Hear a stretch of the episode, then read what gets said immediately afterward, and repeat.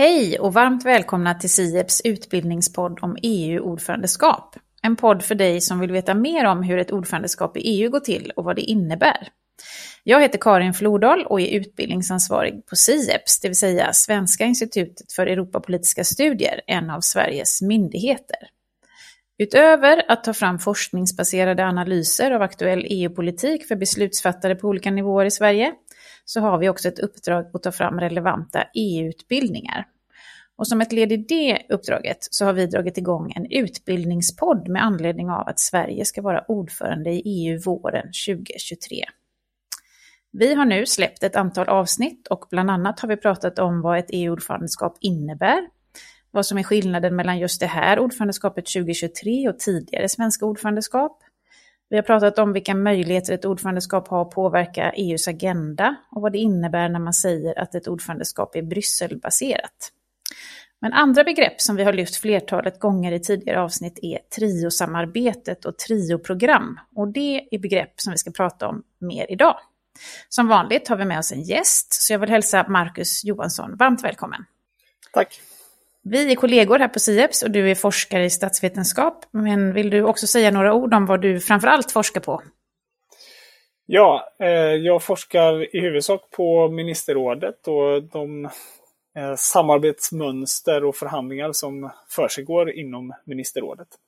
Jag har också ett eh, forskningsspår som handlar om överträdelseärenden mot medlemsstaterna, varför de händer och vad de utmynnar i.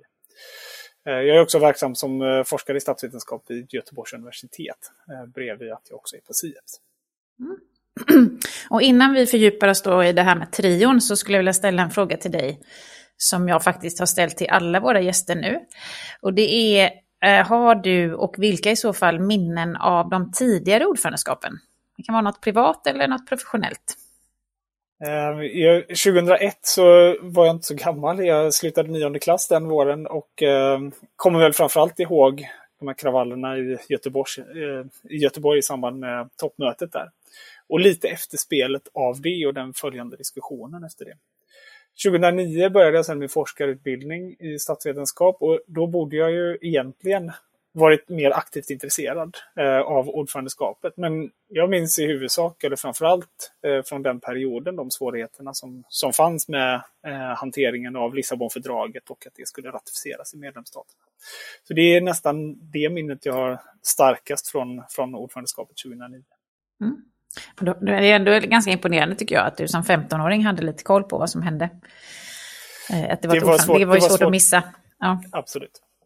Ja, det är samma. Jag pluggade faktiskt på universitetet i Göteborg då, så det var ju, jag hade lite svårigheter att komma hem, kommer jag ihåg, för de stängde ju av hela innerstan. Det. Men det om det. Vi hoppar nu över till det här med trio-samarbetet, för att vi har ju tidigare pratat flera gånger om i podden och konstaterat att ett ordförandeskap är ju sex månader Eh, så det är således även det svenska ordförandeskapet, men vi ingår ju också som ordförandeland i en trio. Kan du berätta vad, vad det innebär att man är i en trio?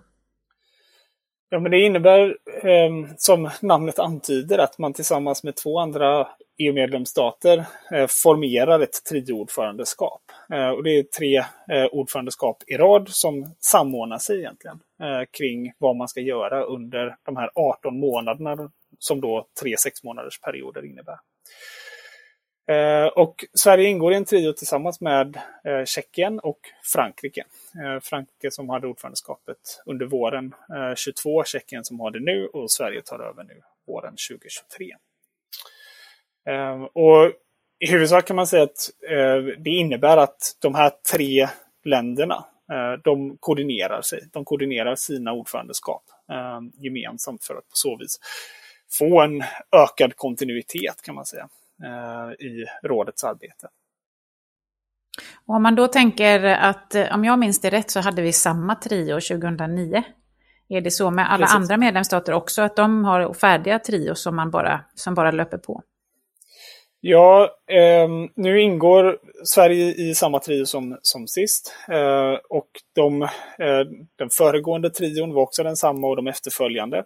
Eh, men det har skett lite grann eh, längs vägen här. Till exempel Storbritannien lämnade ju ehm, EU och hade en folkomröstning om Brexit 2016.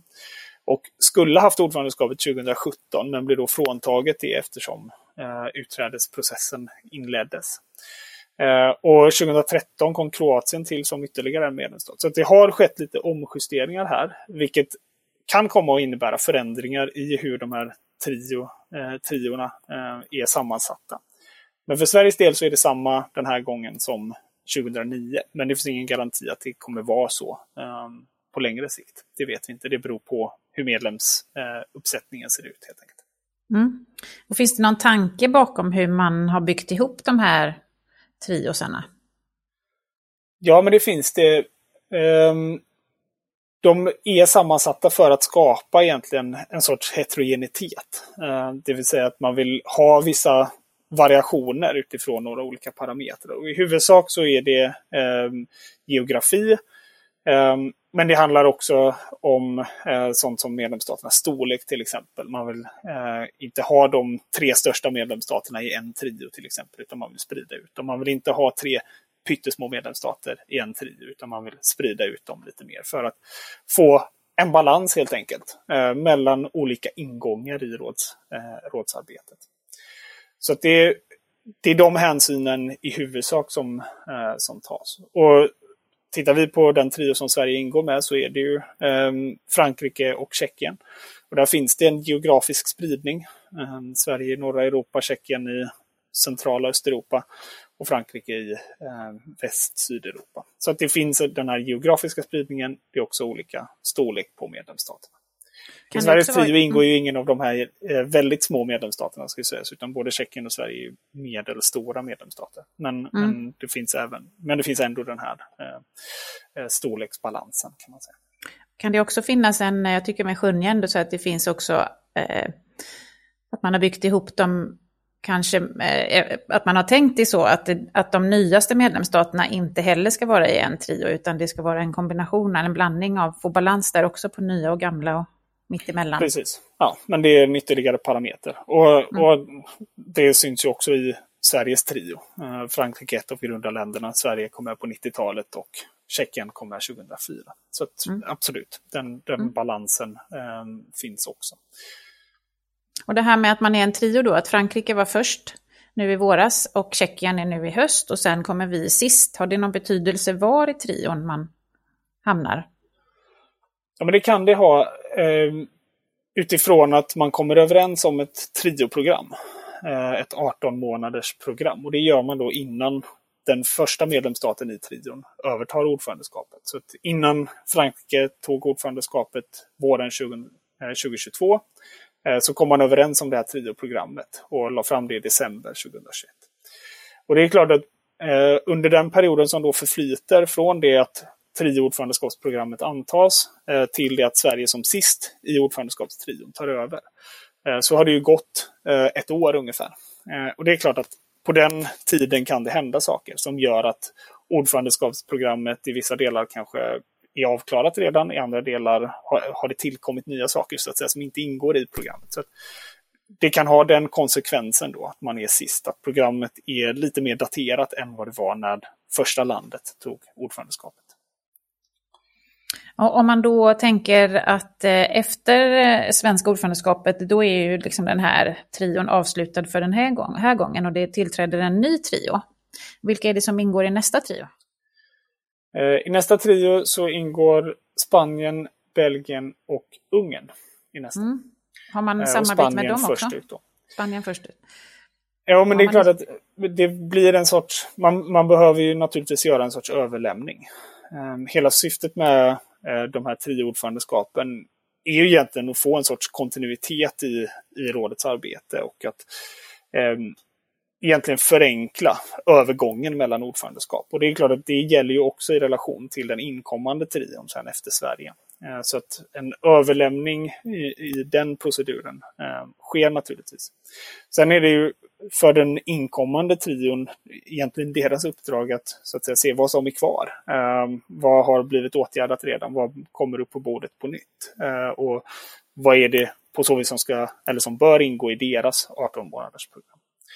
Men så att en, en sorts överlämning, eh, absolut. Men det är ju den inkommande trion som sen behöver sätta sitt program eh, för sin 18 månaders period. Mm. Och jag har förstått också på, eh, i kontakt med vissa myndigheter att, att när det gäller eh, till exempel fiskefrågor så har man redan inlett ett visst samarbete med Tjeckien eftersom de inte har någon kust. Eh, så det kan vara tätare inom vissa områden. Precis. Eh, precis. Det finns ju, det är ju en sak som de här tio ordförandeskapen kan bidra med. Att man kan på olika sätt avlasta varandra eller föra över vissa frågor till, ett, eh, till en del av trioordförandeskapet. Alltså ett land som har ordförandeskapet under sex månader får ta ett visst ansvar för, ehm, för vissa frågor som de har särskilda kompetenser kring. Så den möjligheten eh, finns absolut. Och hur länge har det varit så att man har använt det här med triosamarbeten? Jag kan inte riktigt minnas, även om inte jag var jätteinsatt 2001, jag kan inte minnas att, jag, att man pratade om det då. Nej, precis. De här trio-ordförandeskapen eh, skapades egentligen som en, ja, men som jag har återkommit till lite här, eh, för att skapa mer kontinuitet i rådets arbete. Och det kom i sin tur av en sorts eh, behov som uppstod i samband med att integrationen tog lite extra fart under 90-talet eh, och att utvidgningen eh, gjorde att det blev fler medlemsstater och mer egentligen behov av koordinering. Eh, så på 90-talet, i slutet på 90-talet, så inleddes diskussionen om det här med trioordförandeskapen. Och sen så tog det igenom konstitutionsfördraget och Lissabonfördraget innan vi fick det systemet på plats som vi har nu.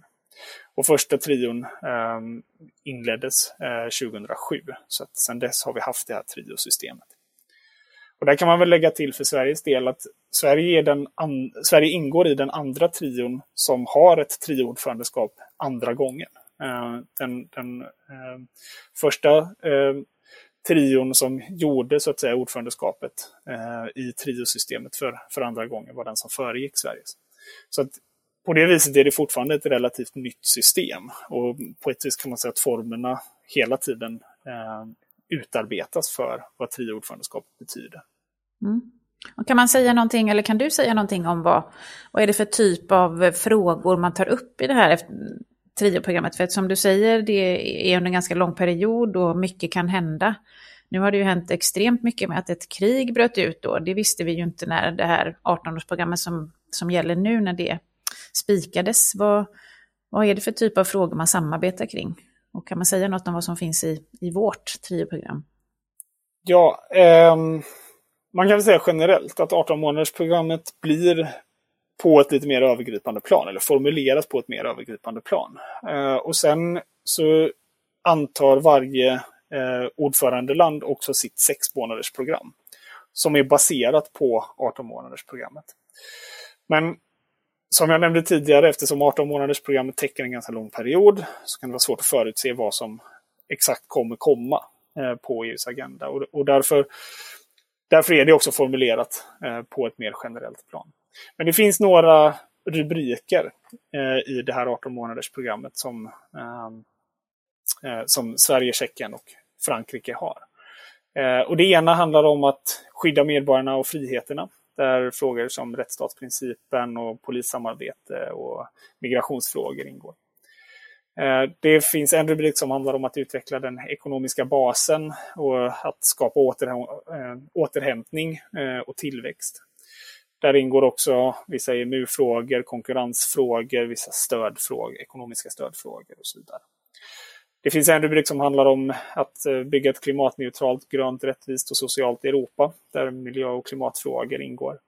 Och slutligen en som handlar om att lyfta fram Europas intressen och värderingar i världen.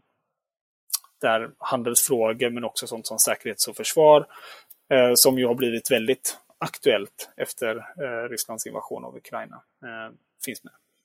Så det här är de övergripande rubrikerna. Ehm, och sen gör då som sagt varje eh, ordförandeland också sin prioritering för sina sex månader. Så man kommer återfinna en del av det här i det svenska arbetsprogrammet som kommer i december?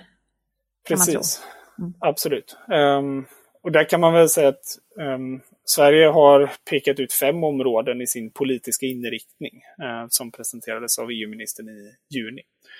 Uh, och de överlappar väldigt väl med de här fyra rubrikerna som jag läste upp från 18 månaders programmet. Så det finns absolut, det är en sorts vidareutveckling kan man säga av 18 mm. månaders programmet. Ja, men har vi mycket inrikespolitik som kommer påverka det exakta programmet också här med en ny regering och så. Så vi får hålla oss till december innan vi kan läsa mer om det. Men du, jag tänkte på en annan sak, det här med ehm, eh, att ingå i en trio och att, det, att att en anledning till att man har triosamarbeten är för att öka just kontinuiteten mellan länderna nu, särskilt när vi är så väldigt många medlemsstater. Men jag har hört och undrar vad du tycker om, kan det finnas andra liksom, positiva effekter? Jag tänker då med tanke på att du har, har ägnat dig åt att studera så nätverk och liksom andra liksom den typen av eh, kontakter mellan medlemsstaterna? Kan det finnas den typen av att man liksom skapar bättre samarbeten eller andra sådana här effekter av att man faktiskt måste jobba tillsammans i en trio?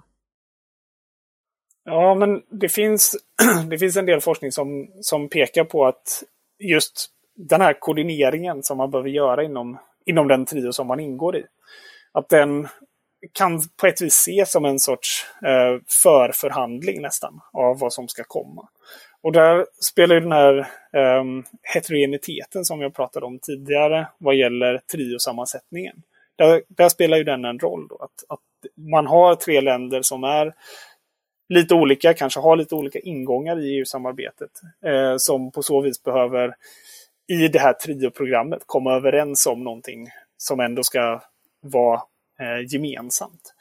Och det kan i sin tur ha en konsekvens för hur förberedd man är när man väl kommer till förhandlingen under ordförandeskapet. Att man lite åtminstone vet vad de olika ingångsvärdena i en förhandling är för att man har pratat med länder som inte är eh, som liknar en själv eh, fullt ut. Så att, det kan absolut ha den konsekvensen. Um, och Det är väl inte heller otänkbart att när man under den här perioden har ett närmare samarbete med två andra medlemsstater, att det också bygger relationer på sikt. Eh, att det också har konsekvenser för, ehm, eh, för hur man ser på varandra och hur nära man anser att man står varandra. Eh, även på längre sikt, alltså när man inte är i trion eller inte är i ordförandeskapet. Mm.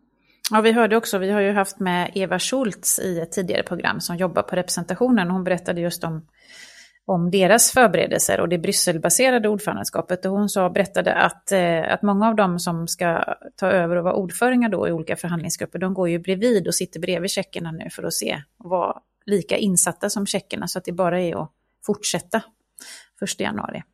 Mm. Tack så jättemycket Marcus för att du var med här idag. Det låter som att eh, triosamarbeten har eh, Eh, betydelse både i stort och i smått, både nu eh, inför ordförandeskapet men också på längre sikt och för eh, EU-samarbetet i stort. Stort tack för idag och på återhörande. Är det så att ni under tiden idag har kommit på några frågor vi borde ta upp i kommande avsnitt så får ni jättegärna höra av er till karin.flordal På återhörande.